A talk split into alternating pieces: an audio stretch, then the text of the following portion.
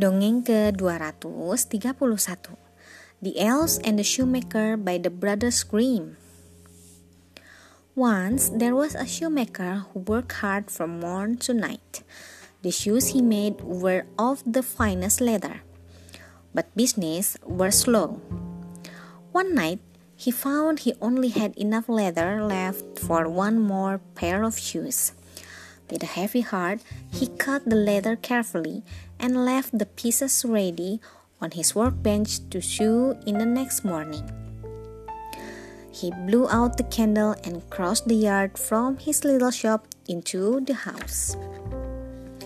The next day, the shoemaker was up early as usual. When he pulled back the shutters in the shop, you can imagine his surprise when he saw not pieces of leather ready to sew on the bench, but a fine pair of lady shoes with a delicate pointed toes. The stitching was so fine you would think it had been done by mice. He put the shoes in the window of the shop, and before long a rich merchant came in and bought the shoes for his new wife, paying the poor shoemaker double the usual price. The shoemaker was delighted at this turn in his fortunes and bought enough leather to make two new pairs of shoes. Once again, he cut the leathers and left the pieces on his workbench to sew the next day. The next day, the shoemaker was up even earlier than usual. His wife came with him as he went into the shop and pulled back the shutters. Oh, husband, she gasped, for there on the bench stood two pairs of the finest shoes she had ever seen. There was a green pair with red heels and a pair so shiny and black the shoemaker could see his face in them. He put the shoes in the window, and very quickly in came a poet who bought the green pair with red heels.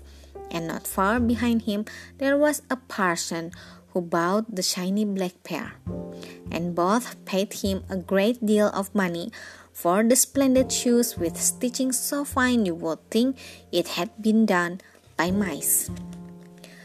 This continued for many days. The shoemaker would buy new leather and leave the pieces cut ready on his bench at night. And when he came back in the morning, there would be the most exquisite shoes. The shoemaker's reputation spread, and his shop was soon full of customers. Before long, the shoemaker and his wife were no longer poor, but they still lived simply as they had little wish for the luxuries of life. One day, the wife said, Husband, I think we must see who has given us this good fortune so we may thank them. The shoemaker agreed. So that night, after laying out the cut leather pieces, he and his wife hid behind the door of the shop. As the town hall clock struck midnight, they heard a scampering of tiny feet and little voices laughing. Two elves slid out from behind the skirting board and climbed into the bench, where they were soon hard at work stitching away with tiny stitches that were so fine they might have been done by mice. The elves sang as they stitched, but oh, they looked poor. Their trousers were ragged, their shirts were threadbare, and their feet looked frozen as they had neither socks nor shoes. Soon the leather was gone, and on the bench stood more shoes. The elves split away. The next day, the shoemaker took some green and yellow leather and made two little pairs of boots, yellow with green heels.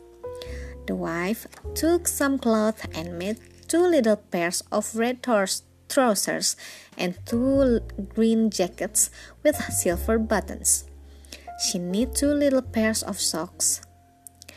That night, they, laid out the clothes and boots and hid behind the door shop. As the town hall clock struck midnight, The two elves slid out from behind the skirting board and climbed into the bench. When they saw the gifts, they clapped their hands in delight, flung off their old rags, and tried on their new clothes and the boots. They looked splendid. Then they slipped behind the skirting board, and the shoemaker and his wife never saw them again. But once a year, when the shoemaker opened the shop in the morning, on his bench, he would find a pair of shoes with stitching so fine you would think it had been done by mice. Sekian, terima kasih telah mendengarkan. Selamat malam.